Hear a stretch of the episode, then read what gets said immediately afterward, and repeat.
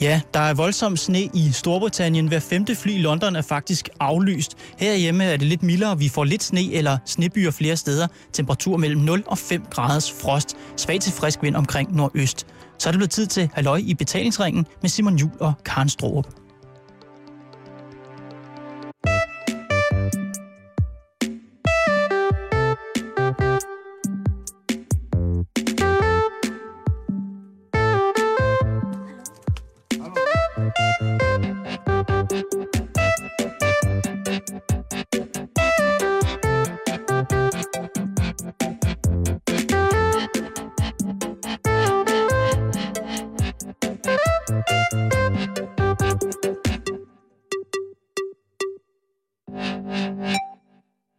Lytter til Halløj i betalingsringen her på Radio 24 7.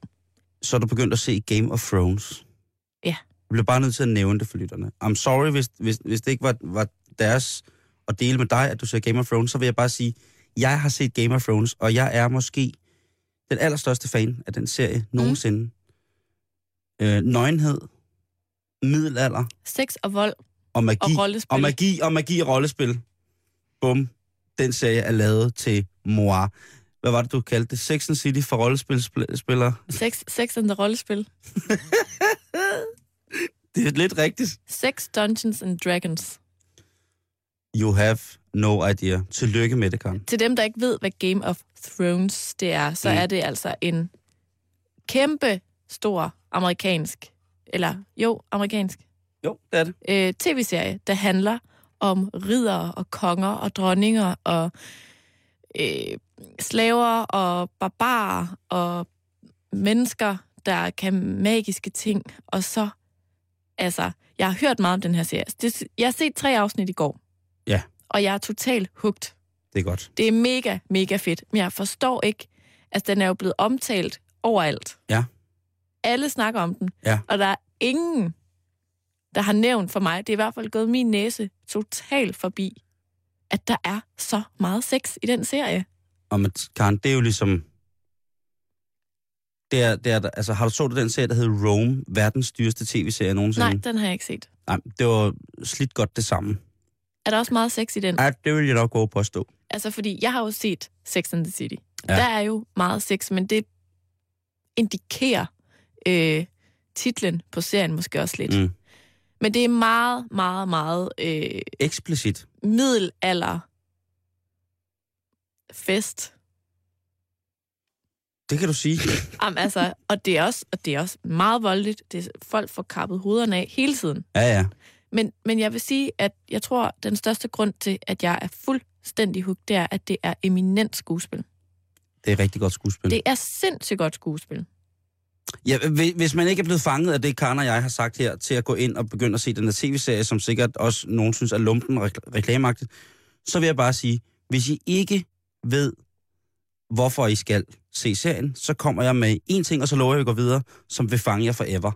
Verdens mest liderlige modbydelige dværg er med i Game of Thrones. Punktum. Han er fantastisk. Liderlig. Også det.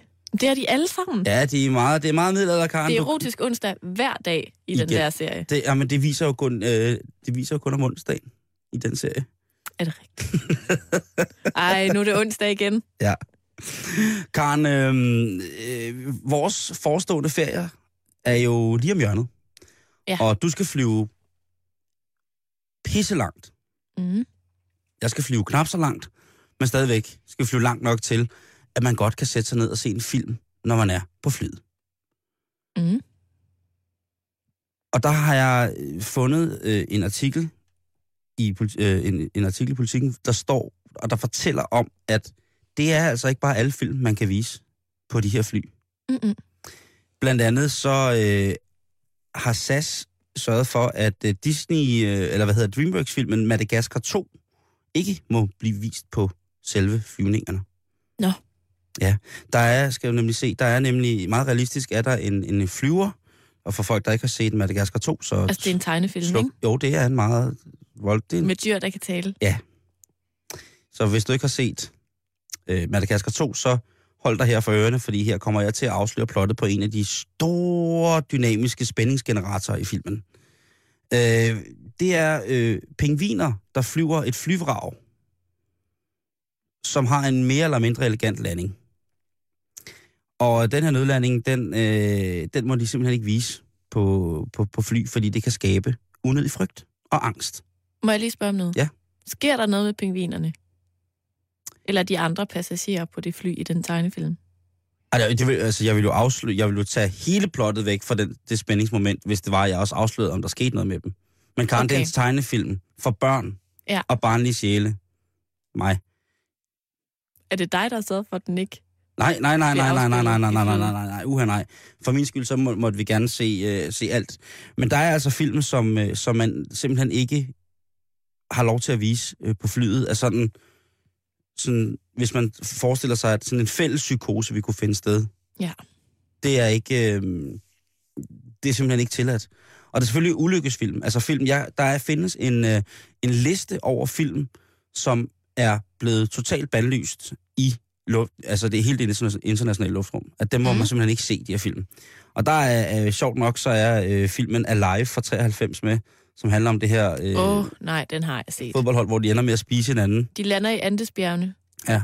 Og så æder de hinanden. Ja, i bogstavelig stand.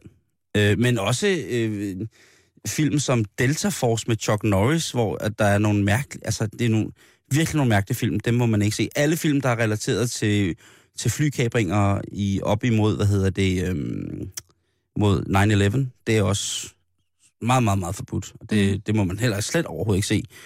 Øhm, en, en film, som der også var ligesom på den liste, var Con Air, filmen med Nicolas Cage Den er jo og Steve mega fed. Buscemi. Ja, den er meget, meget fed.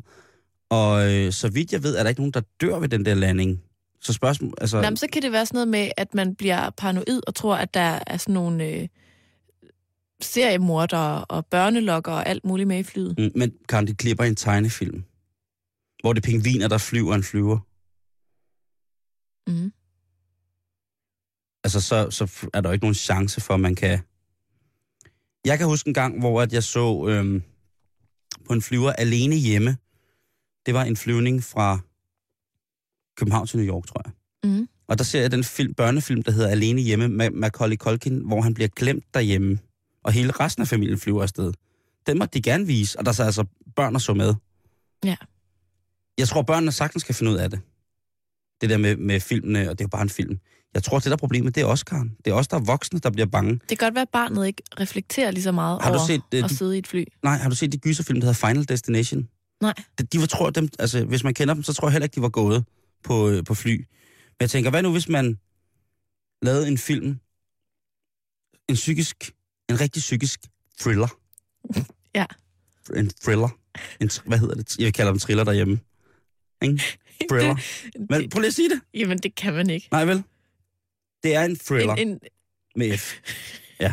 En rigtig, en, en psykisk en med... psykisk Ja, en psykisk thriller. en, en, psyki, ja, en psykisk thriller. En psykisk thriller. Øhm, Thriller. Så, nu okay, nu har vi sagt nok. Som handler om en selvmordsbomber, som ja. vælger at tage hele sin søde familie med sin dødssynd.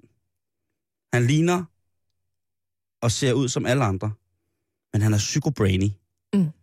Og han har fuldstændig, han har tænkt, han, han, han har regnet ud, hvordan man med forskellige komponenter kan lave en bombe, som rent strategisk kan sættes så skadeligt på flyet, at alle kommer til at dø i den, selvom at man kun har lige omkring 20 gram øh, sprængstoffer gør godt med to ulige væsker, et eller andet, som man kan samle på flyet, ikke?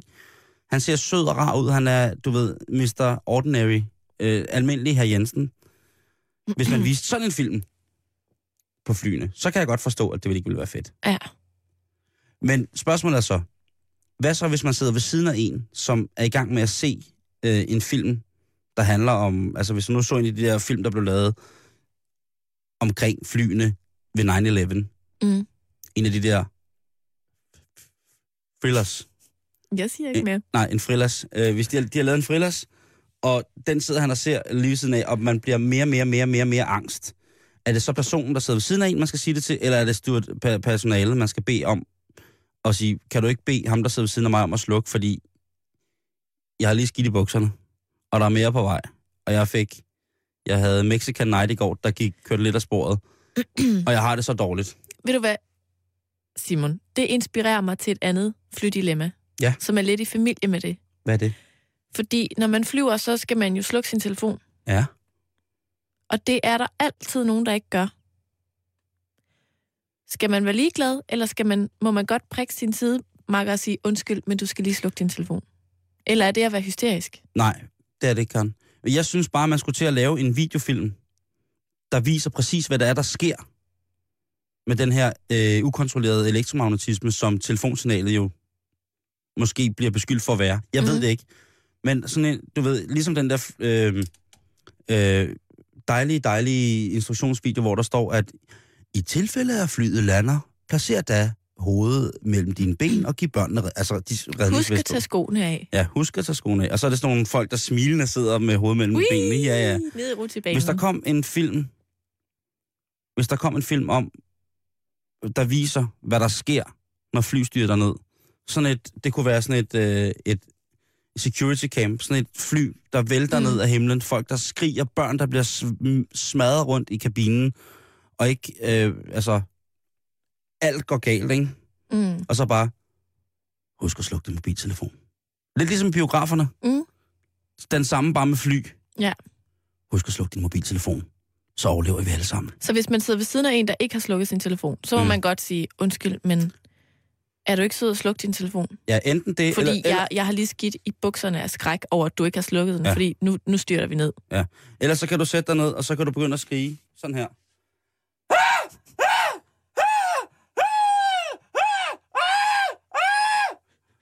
Og så når der kommer en sød stewardess hen og siger, undskyld, hvad der er i vejen, så- og så kan du sige, åh, det er fordi, han ikke har slukket sin mobiltelefon.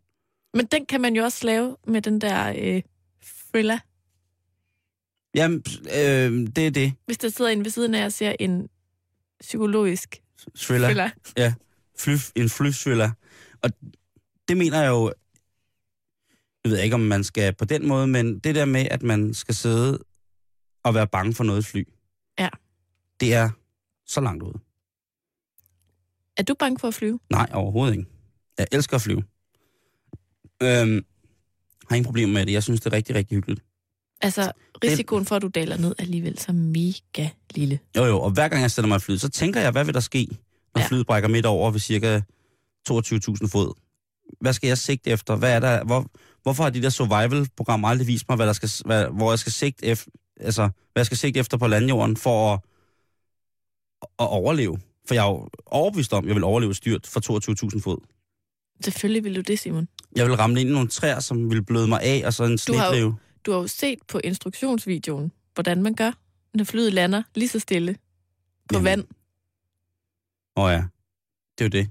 Men altså, det er helt fuldstændig ude af kontrol. Eller hvad, hvad vi selv kan se på flyene, men det er ikke ude af kontrol, hvad det er, vi bliver vist på flyene. Det er der tænkt rigtig, rigtig meget over hele tiden. Mhm. Og det synes jeg bare, man skal tænke over, når man er ude at flyve. Ja. At der er nogen ved siden af, der ligesom... Som en service kunne man jo også sige. Altså, jeg synes jo godt, de kunne øh, altså, sige alle sammen ned igennem flyet. Alle dem, der slukker deres mobiltelefon, er sødt at tage den op i luften. Ja. Og så alle dem, der ikke har det. Der måtte man godt give en sheriffstjerne. Et trælår. En sheriffstjerne eller et trælår, ikke? Jo.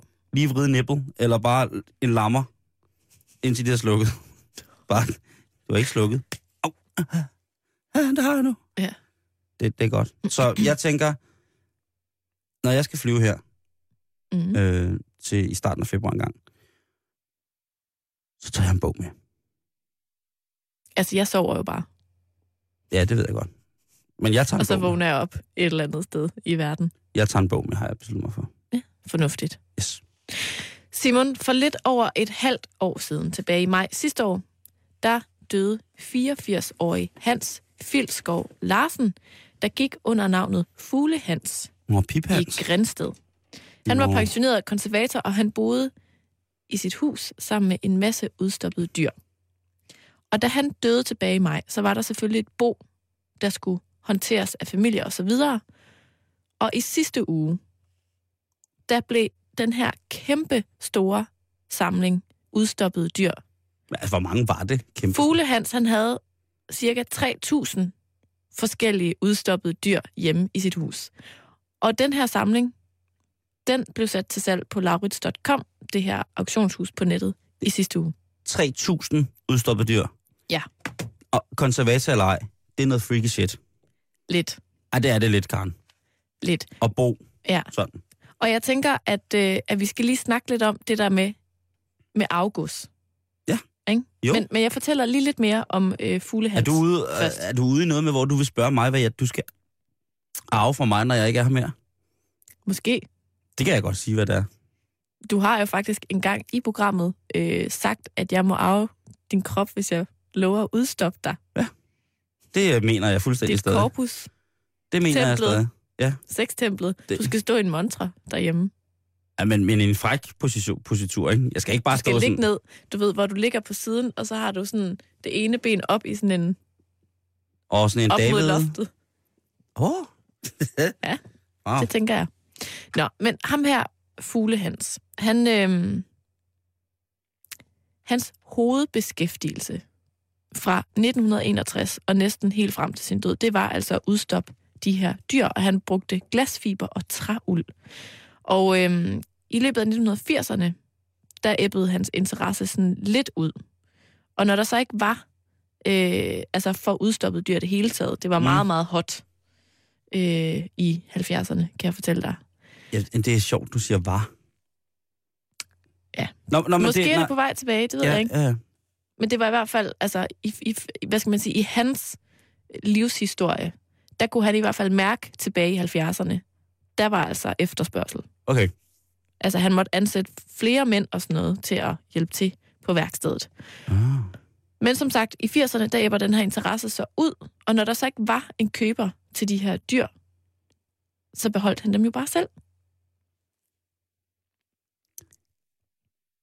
Ja. Jeg kan godt forstå, at man som håndværker ikke gider på den måde at bare ligesom blive ved. Ja. Når der ikke er nogen. Men har han ikke, altså, det må også være svært, ikke? Hvis han på et tidspunkt har stået der med 12 udstoppet ådder, Mm. og der, der, der er bare en nedadgående kurve i udstoppet åddersalg. Det er Ja. i 78. Og, han, og, han, og, og øh, Pip Hans, han tænker, hvad fanden gør jeg med Ja. alt det her? Og så siger han, som man siger i, i konservatorkreds, her stopper jeg ikke. Og så er han bare blevet ved. Sangfugle, amøber, alt har fået en tot vat og noget stenuld.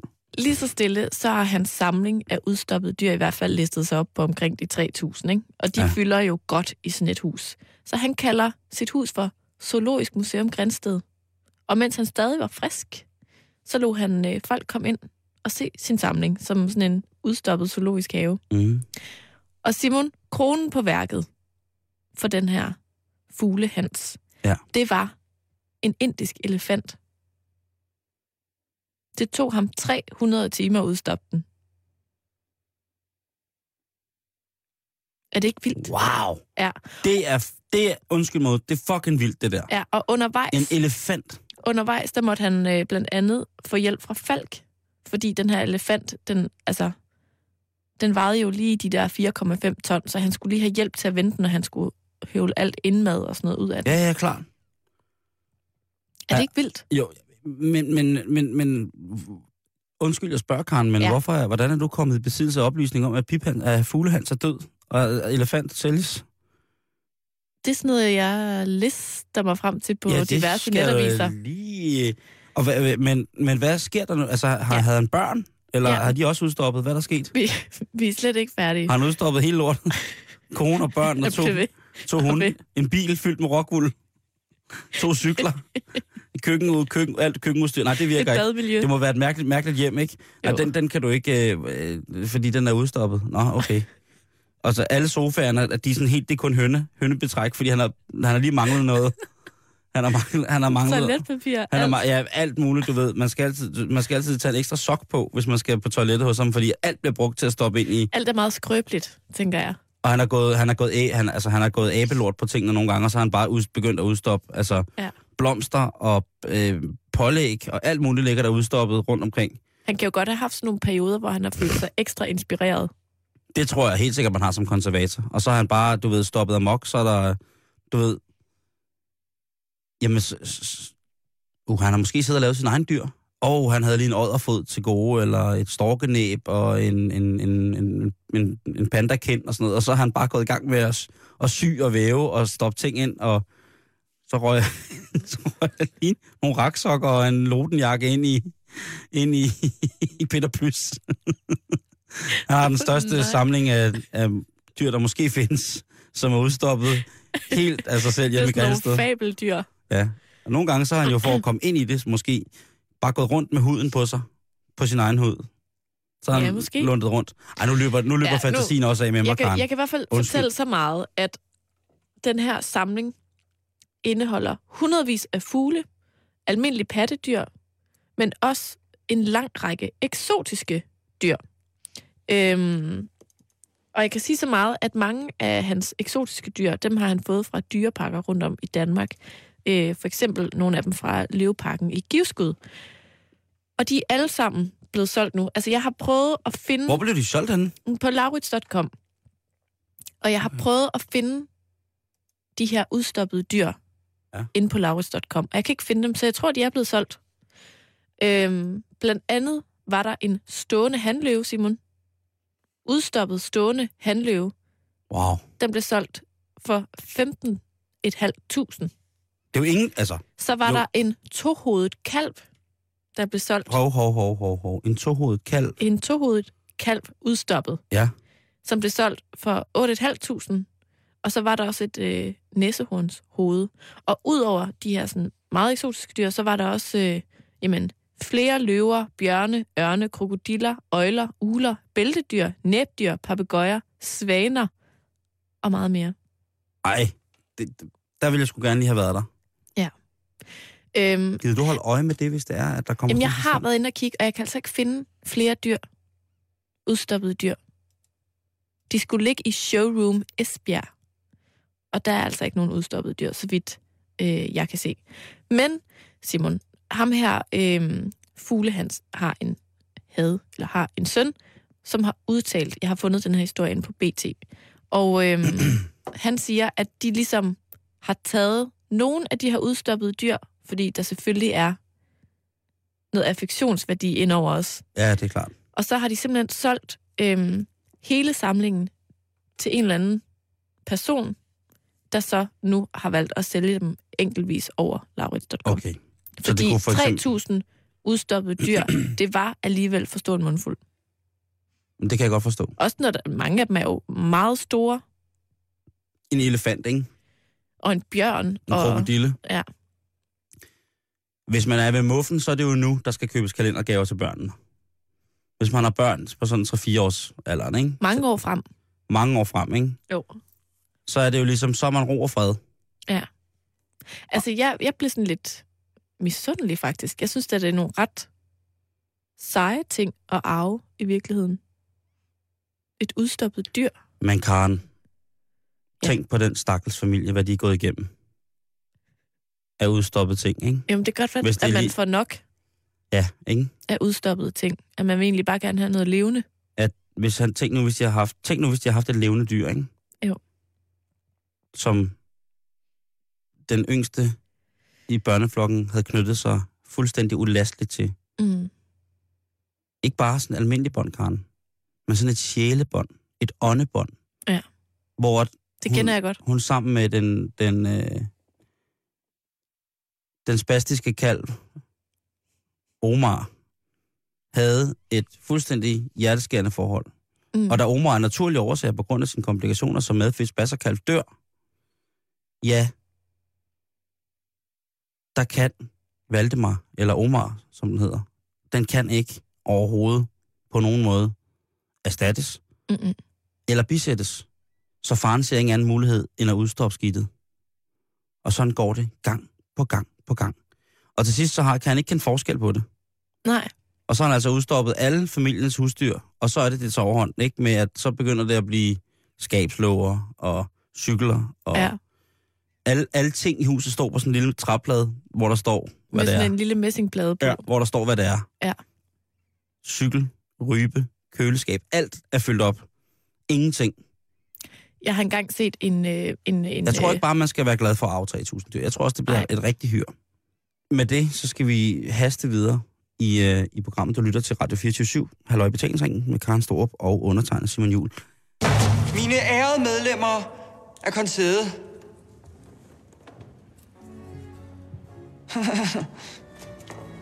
øhm, ikke mere skal den adelige forfinede næse forstyrres af byens stank.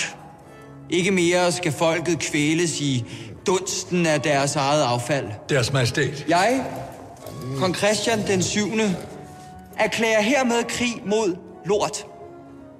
Fra i aften og fremover, så skal der tre gange så mange natmænd på gaderne. Og hvor havde de så tænkt, at pengene skulle komme fra? Ja, det vidste jeg så, at de ville spørge om. Pengene skal findes ved at skære et mindre beløb af pensionerne for dem, der stadig har indtægter fra deres godser, og derfor ret beset ikke behøver nogen pension.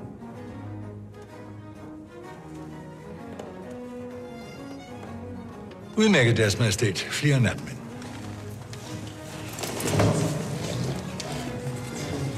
Og, og øh, Gourmand skal udnævnes til æresmedlem af konsedet.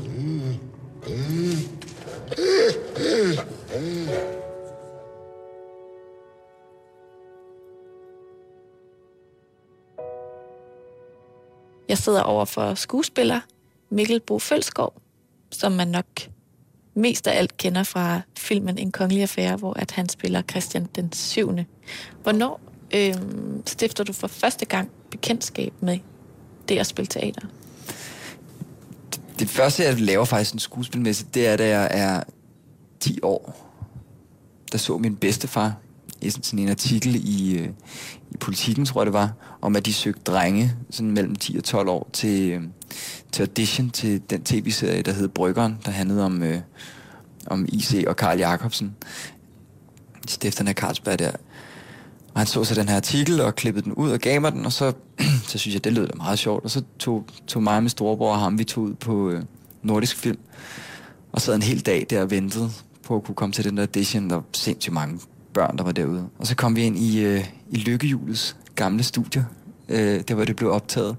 Og de der børn, de var jo helt uregerlige. De kravlede rundt på lykkehjulet, øh, det der selve lykkehjulet og smadrede det fuldstændig og sådan noget. Øhm, og så kom man så ind, og så blev man så videofilmet, og så kunne man stå på sådan en række og spille luftgitar til et eller andet musiknummer. Og så fyrede jeg den jo bare af. Jeg var, jeg var ret god til luftgitar også dengang. Altså. Øh, og så, øh, så blev jeg så valgt til at gå videre.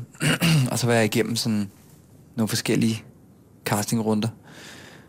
Og fik så rollen som, som Karl Jacobsen i det sjette afsnit i Bryggeren der, som er øh, afsnittet lige før han bliver voksen.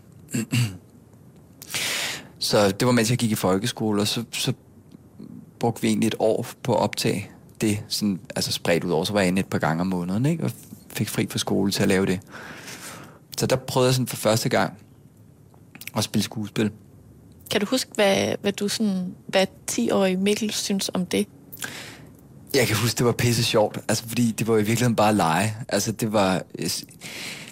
Altså modsat nu, hvor det er meget teknik, og man, man er meget bevidst om, hvad man gør. Så dengang, der var man jo bare en lille dreng, der bare gik ind og fik at vide, okay, nu skal du være rigtig sur på din far, fordi han har gjort sådan og sådan, ikke? og så legede man jo bare det. Folk omkring mig, altså øh, Jens Jørgens Spottak, der spillede min far dengang, og instruktøren, sådan, de var så søde alle sammen, så det var sådan virkelig bare en leg, så jeg kan huske, da det sluttede der, den sidste optag, jeg havde, der brød jeg bare sammen. Og ja, virkelig bare tænkt, øv, det må bare ikke stoppe. Øhm, så det var en kæmpe oplevelse. Jeg kan huske min, nogle af dem i folkeskolen, de, de ældre i folkeskolen, de begyndte sådan at drille en lidt med det, sådan at begynde at kalde en for Lille Karl og sådan nogle ting. Altså, jeg, man kan huske, det var sådan, sådan en blanding af at være lidt stolt over at have lavet det der, men samtidig også sådan, øh, ja, som børn nu kan være sådan, synes det var ret irriterende at skulle blive kaldt Karl og sådan noget, ikke? Men der fik jeg sådan, der fik jeg sådan, det var sgu, det var sgu ret sjovt. Og så begyndte jeg, så var jeg lidt med i nogle øh, de der skolekomedier på folkeskolen også, ikke? Jeg blev inviteret ind til at lave tegnefilm, dop tegnefilm, på et studie herinde i København. Hvad for nogle tegnefilm har du lagt stemme til? Jamen, jeg har, jeg har faktisk dobbelt, siden jeg var så 11 år eller sådan noget. Så, så først startede jeg med at lave en, en, en serie ude på Nordisk Film, øh, der hed Arthur, tror jeg, eller sådan noget. Øh, og så så åbnede det ligesom op for, at jeg så kom ind på, jeg tror, der ligger 4-5 studier her i København, der laver tegnefilm, ikke? Og det, så har jeg faktisk lavet alt, lige fra Pokémon til var jeg med i Ice Age her i, i forrige uge og sådan noget, i en, en lille rolle der i, og sådan alt muligt forskellige, og det, der hedder live action, som er det der, øh, hvor det er rigtige mennesker, hvor det så bliver dobbelt til dansk, ikke? Sådan ofte nogle australske serier og sådan noget. Så, og computerspil og alt muligt. Så det har været sådan et rigtig godt øh, studiejob egentlig at have, ikke? Både i, i folkeskolen og ved siden af gymnasiet, og så, så pendlede jeg ind med tog til København en gang imellem og tog ind og lavede tegnefilm. Og gør det stadig en del, ikke? Så det, det, det er sådan, der fik man også lov til sådan at holde det lidt ved lige på en eller anden måde, det der med, det er selvfølgelig at lave skuespil på en anden måde, men alligevel sådan at beskæftige sig lidt med faget, ikke? Og man kan jo sige, at du jo om nogen allerede har fået dit gennembrud, Ja. i hvert fald herhjemme i Danmark, som øh, Christian den 7. i Nikolaj Arcels film En kongelig affære. Og den synes jeg, vi skal snakke lidt om nu. Mm. Øhm, hvordan fik du den rolle? Men øhm, jeg var i øh, praktik på det tidspunkt, øh, på mit tredje år, øh, på Nørrebro Teater. Øh, og havde, om, det var, det var i, øh, i december måned, vi spillede det. Øh, og i sommeren, der havde jeg været med i den tv-serie, der hedder Den, som dræber, som kørte på TV2. Øh, hvor jeg havde været til casting øh, hos, en, øh, øh, hos et castingbureau, der ligger her i København. Øh, og den casting var gået godt, og jeg var så ude at lave den her, og jeg troede, det var en, lidt større rolle, men det viste sig så at jeg, øh, at jeg skulle spille sådan en død russer, der bare lå i noget vand sådan, og skvulpede med sådan en våddragt på en hel dag. Men det, det gik meget godt, og øh, jeg, ja, der var så også en anden scene, hvor jeg fik sådan en dødsprøjte med noget gift, hvor jeg skulle dø, som var den, jeg kastede på, men den blev så klippet ud, så det, det var endte kun med, at være, at jeg skulle ligge i noget vand. Øhm, men den casting var gået meget godt, så hun kendte mig lidt, øh, hende casteren. Øh, så hun, øh, hun ringede til mig øh, en halv time inden jeg skulle ind og lave øh, sp- spille mænd, der hedder kvinder der på Nørrebro Teater. Øh, og sagde, øh, Mille, jeg har en casting til dig øh, i morgen eller i overmorgen. Øh, Nikolaj selv, han skal i gang med at lave den her film om Struense og Christian 7. og Karoline Mathilde. Øhm, og han vil gerne lige vide, sådan, hvad der er af unge skuespillere ude på skolerne lige nu. Øhm, fordi han gerne vil have en ung øh, mand til at spille Christian den 7. Ikke? Øhm, så hun havde så inviteret nogle forskellige unge skuespillere ind til den, øh, og spurgte så, om jeg ville komme til casting øh, to dage efter eller sådan noget. Så mødte jeg op og, øh, og spillede en, en scene for filmen. Øh, og så ringede hun samme aften og sagde, at Nicolaj gerne ville se mig dagen efter øh, til endnu en casting, hvor han så ville være der. Øh, og så mødte jeg ham, og så, så lavede vi to scener fra filmen, tror jeg det var, øh, og improviserede en hel masse. Øh, og det kunne jeg godt mærke, egentlig gik meget godt. Øh, og jeg kunne mærke sådan... Altså, da, da jeg blev inviteret til casting, så gik jeg også ind på Wikipedia lige med det samme og læste om det. Ikke? Jeg, jeg kunne godt huske, der var noget med den der historie, men jeg kan ikke helt huske præcis, hvordan det var. Og læste om Christian den syvende. Og så tænkte jeg bare, den der rolle, den skal jeg bare have. Den er så fucking fed. Altså, den er... Det, er jo- det, er jo- det er sådan noget, man drømmer om, ikke? Altså, periodefilm og halskør konge og sådan... Øhm, så, så den tænker jeg bare, den vil jeg rigtig gerne have. Øh, og så, øh, så efter den nummer to casting der, øh, så gik der egentlig rimelig lang tid. Så gik der, det var så juleaftens dag faktisk, øh, at, Tanja Grundvald, casteren der, hun ringede til mig og sagde, at øh, Nicolaj gerne vil se mig til en tredje casting i januar, starten af januar. Og hvornår er vi henne her? Øh, der er vi så øh, sidste år, altså for et år siden, ikke? Altså januar 2000? Januar og- 2011. Og 11. Ja, 2011. Okay. Ja. Nej, 2010 må det være, ikke? Nej, 2011, ja. Altså for halvandet år siden? Ja, for det er et år siden, vi, vi, vi lavede optagelserne, ikke? Jo. Ja, ja for halvandet år siden, ja. Okay. Lige præcis. Øhm, og så, så, så ringede hun så og sagde, at jeg skulle komme til en tredje og sidste casting på... Øh, ude på Centropa, øh, hvor Mads Mikkelsen så ville være der sammen med Nikolaj. Øh, og hvor vi så ville arbejde med, med to scener fra filmen. Og det gjorde jeg så. Øh, altså, der, der vil jeg sige, at jeg havde været nervøs til de to første og sådan noget, men, men da, da jeg ligesom fik at vide, at jeg skulle kaste over for Mads, der blev jeg, altså, der blev jeg rigtig nervøs. Fordi Mads, jeg har altid virkelig beundret Mads, og jeg synes at virkelig, han har lavet nogle fede ting, og han er jo bare den her stjerne. Øhm, så jeg tog ud på Santropa øh, sådan en januarmorgen der, øh, og var der selvfølgelig en halv time før, og var, havde varmet op hele morgenen og var klar, og, og sad, og Nikolaj var der, og, øh, og Mads kom et kvarter for sent, øh, og jeg sad bare og blev mere og mere nervøs, ikke? Ja, ja. Øh, og så kommer han så ind ad døren der, sådan den der mand, som man jo bare har set så mange gange i film og tv. Og så går jeg sådan over til ham og siger, hej, jeg hedder Mikkel, og rækker hånden frem, sådan, og så giver han mig bare en krammer og siger, hej, jeg hedder Mads, og sådan, øh, helt nede på jorden. Og så, så gik vi i gang med at kaste, og så var han bare hele tiden sådan, er du okay Mikkel? Skulle lige have en pause? Skulle lige have noget kaffe? Og sådan hele tiden lige over lige og, og amer lidt. Og sådan, og, altså han var så sød og overskudsagtig. Øhm, og så tror jeg, vi kastede en times tid. Og altså, Mads, han kunne ingenting. Altså, han sad bare med manuskriptet og læste op, ikke? Og, og jeg spillede derudad. Øh, og så kunne jeg godt mærke, at, at det, der var en meget fed kemi imellem os også. Øh, og, og ligesom da jeg havde sluppet den der nervøsitet, så var der også en frihed i det, som var ret fed. Øh, og så gik jeg derfra og tænkte, jamen, jeg skulle gjort, hvad jeg kunne. Øh, og nu kan jeg ikke gøre mere. Nu, men han er det sikkert også som type og alt muligt, ikke? Og så, øh, så tog jeg hjem, og så spillede jeg, der spillede vi stadig mænd, der havde kvinder der, øh, på Nørrebro Teater, og så, så spillede jeg der om aftenen, og så lige da vi var færdige, jeg var lige ved, var kommet hjem der klokken halv tolv eller sådan noget om aftenen, så ringede Nikolaj, øh, og så sagde han, øh, har du tid til at snakke lidt? Så sagde jeg, ja, det tror jeg nok, jeg har. Og så sagde han sådan, nå, men hvad så, hvordan, hvordan har du haft det i dag? Og sådan, så spurgte han om alle mulige andre ting, og sådan, når du har været på Nørrebro, nå, det lyder spændende, og, sådan, og spurgte ind til, hvordan det gik i praktikken, så der gik virkelig lang tid, før han sagde, nå, men Mikkel, nu skal du høre her, jeg er, jeg er klar på at give dig rollen. Og så, ja, så, så gik alting jo bare lidt i stå, og så stod jeg bare og ud af mit vindue på mit værelse, og så var det bare for sindssygt, og så, så, så gik jeg herind i min stue, hvor jeg boede med min derværende roommate, og så åbnede vi en flaske champagne, og så drak vi os stive, og, øhm, og fejrede det. Så det var, det var den måde, jeg fik den på. Christians livvagt er lige vendt tilbage fra byen. Han er gået på særk.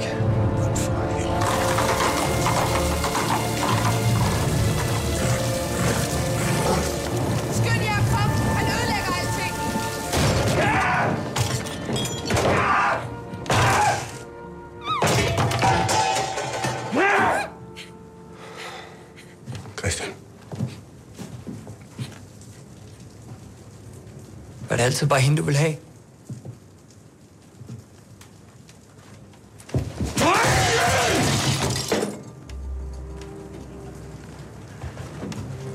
Er det sandt? Er det dit barn? Nej.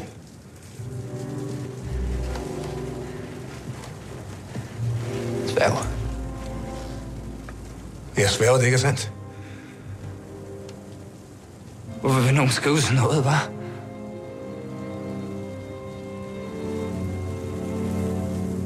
Ondskabsfuld noget.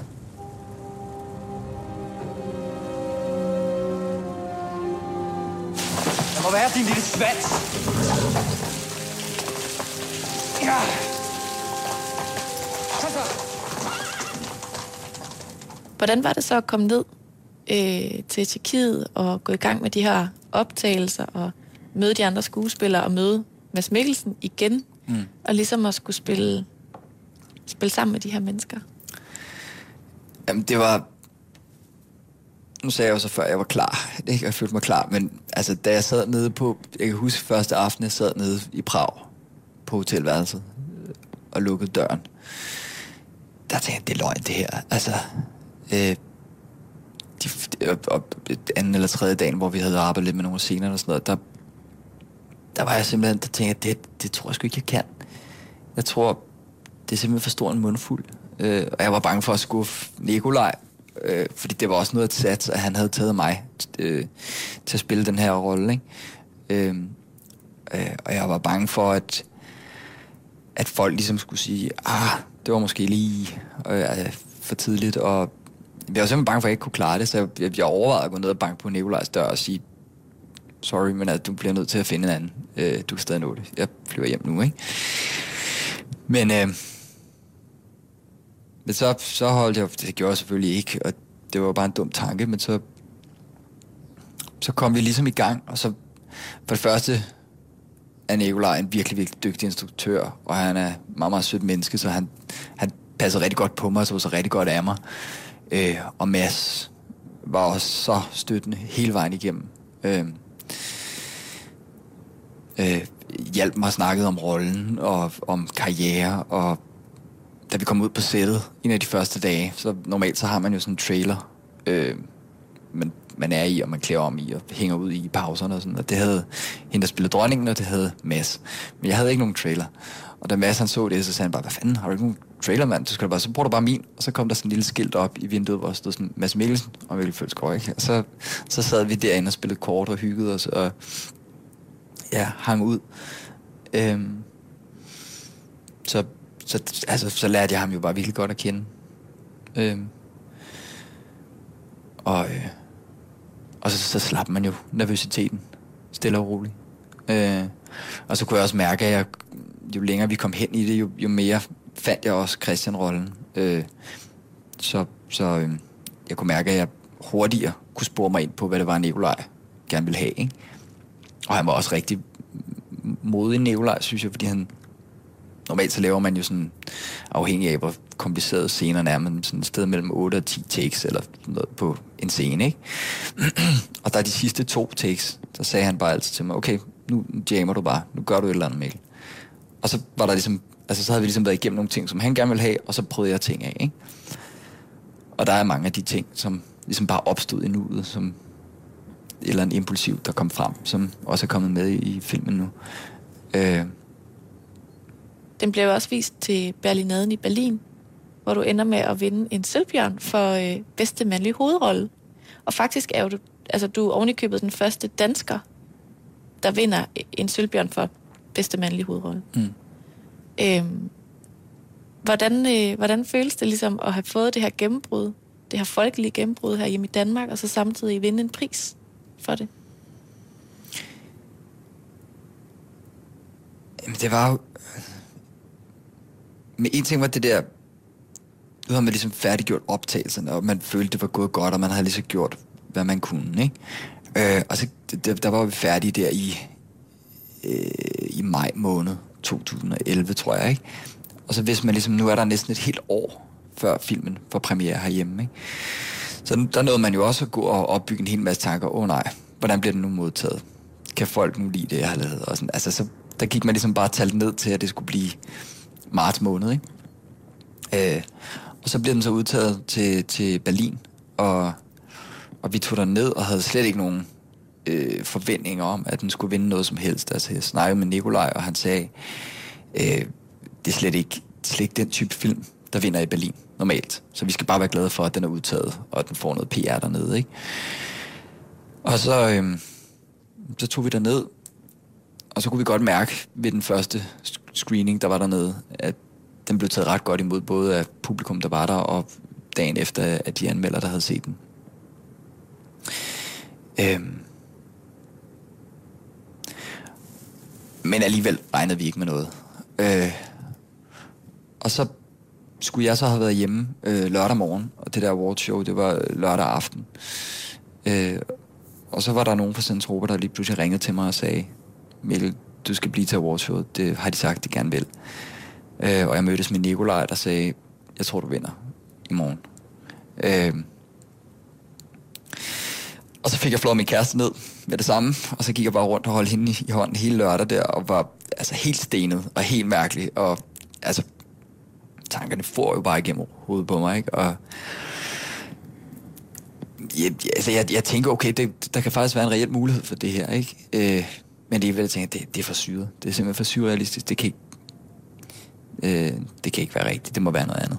Hvad synes du selv om din film?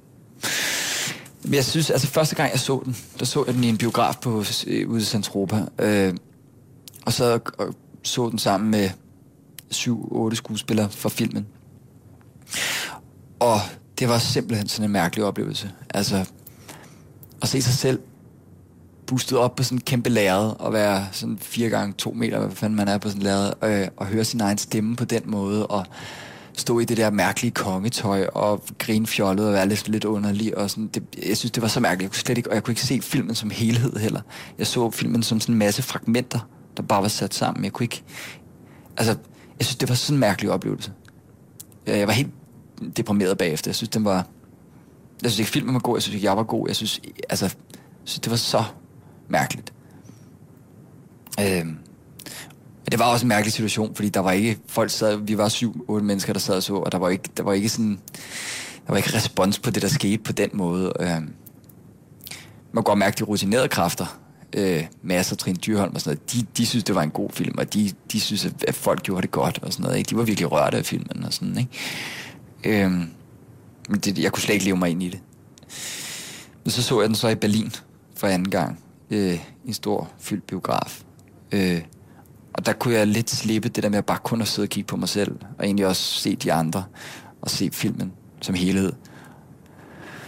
Øhm, og så har jeg så set den, tror jeg, seks gange siden eller sådan noget, ikke? Øhm, og jeg synes, jeg synes, det er en meget smuk film. Jeg synes, det, det jeg synes virkelig, han er dygtig til at fortælle historier, Nikolaj. Altså, jeg synes, det er et vanvittigt godt manuskript, og jeg synes, den er vanvittigt flot filmet. Der er nogle rigtig flotte billeder, og jeg synes, øh,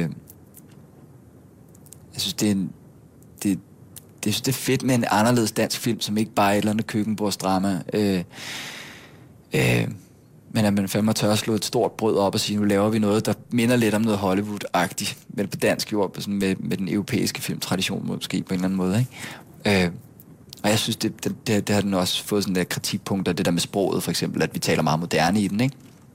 Men jeg synes, det er fedt det der med, at den, at den, den har det moderne i det gamle, ikke? Øh,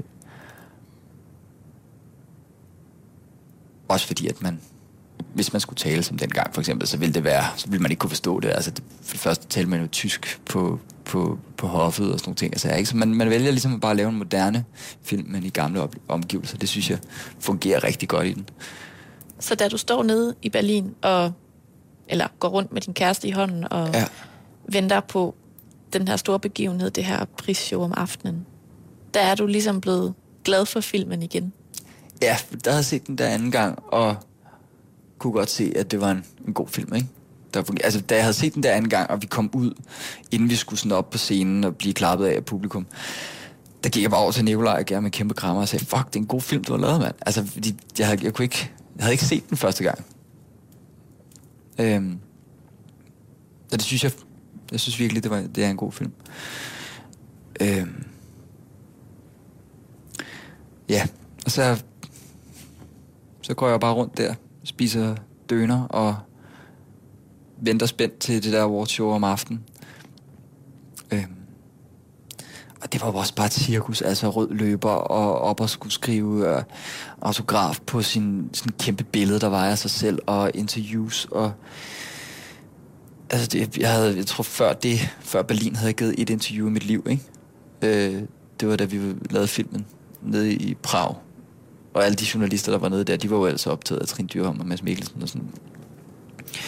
Og så pludselig så og skulle skrive autografer til folk og sådan noget. Det var, det var virkelig underligt, underligt mærkeligt cirkus. Øh.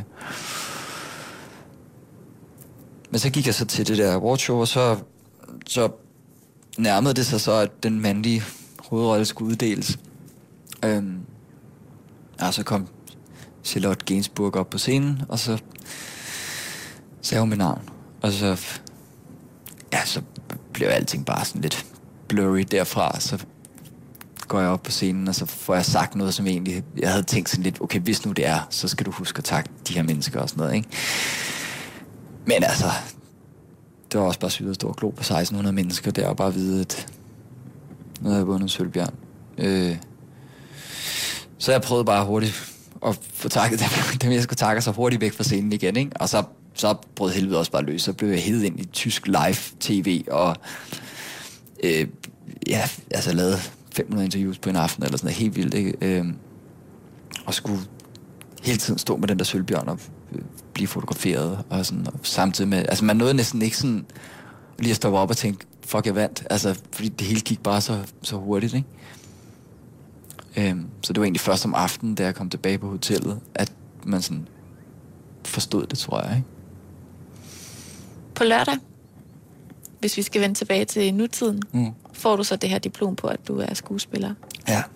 Øhm, og man kan sige, at 2012 har forløbig altså, budt på premieren af en kongelig affære og en sølvbjørn i Berlin, og nu også det her diplom på, at du er blevet færdig. Mm. Øhm, du har fået vildt meget ros i medierne. Øh, hvad, hvad kan du ligesom bruge det til, nu hvor du står og er færdig som skuespiller? At du har vundet en pris og øh, har lavet en, en, en flot film. Og sådan. Hvad, hvad er dine tanker om, om fremtiden Mm. som skuespiller?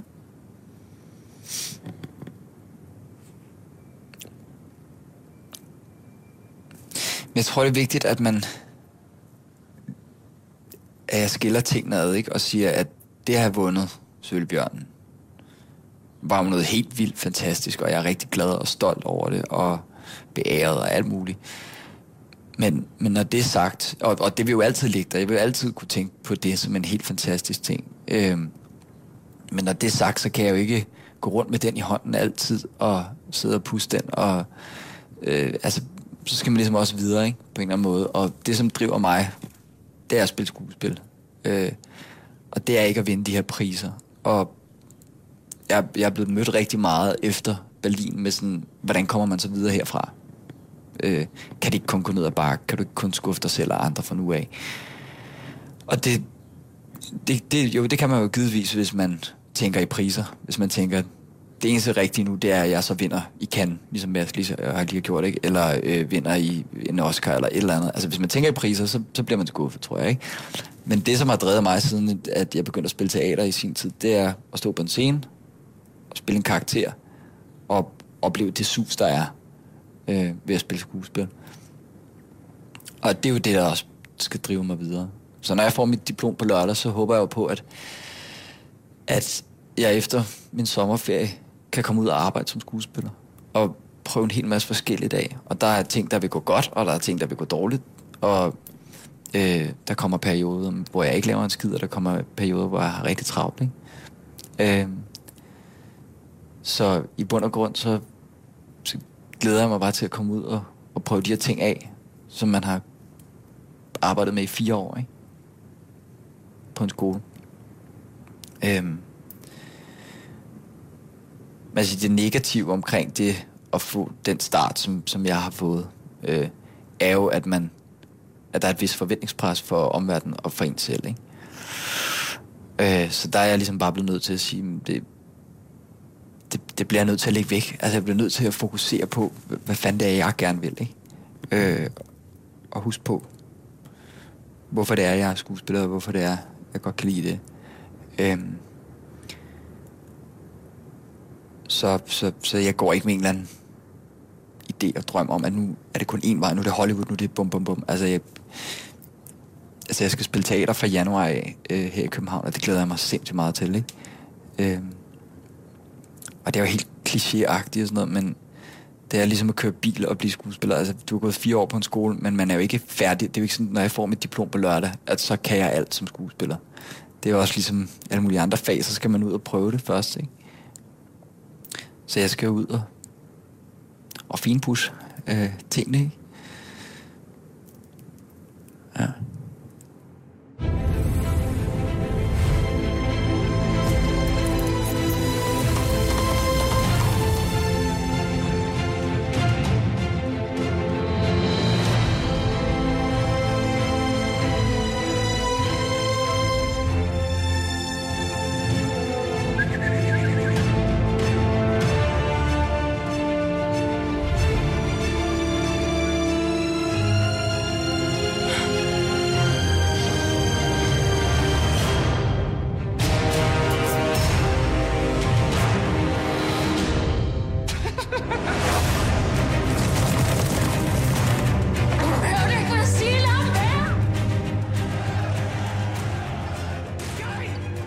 Kære lytter, det var alt, hvad vi havde til dig i dag. Vi lyttes ved samme tid, samme sted i morgen. Nu er det blevet tid til et nyhedsoverblik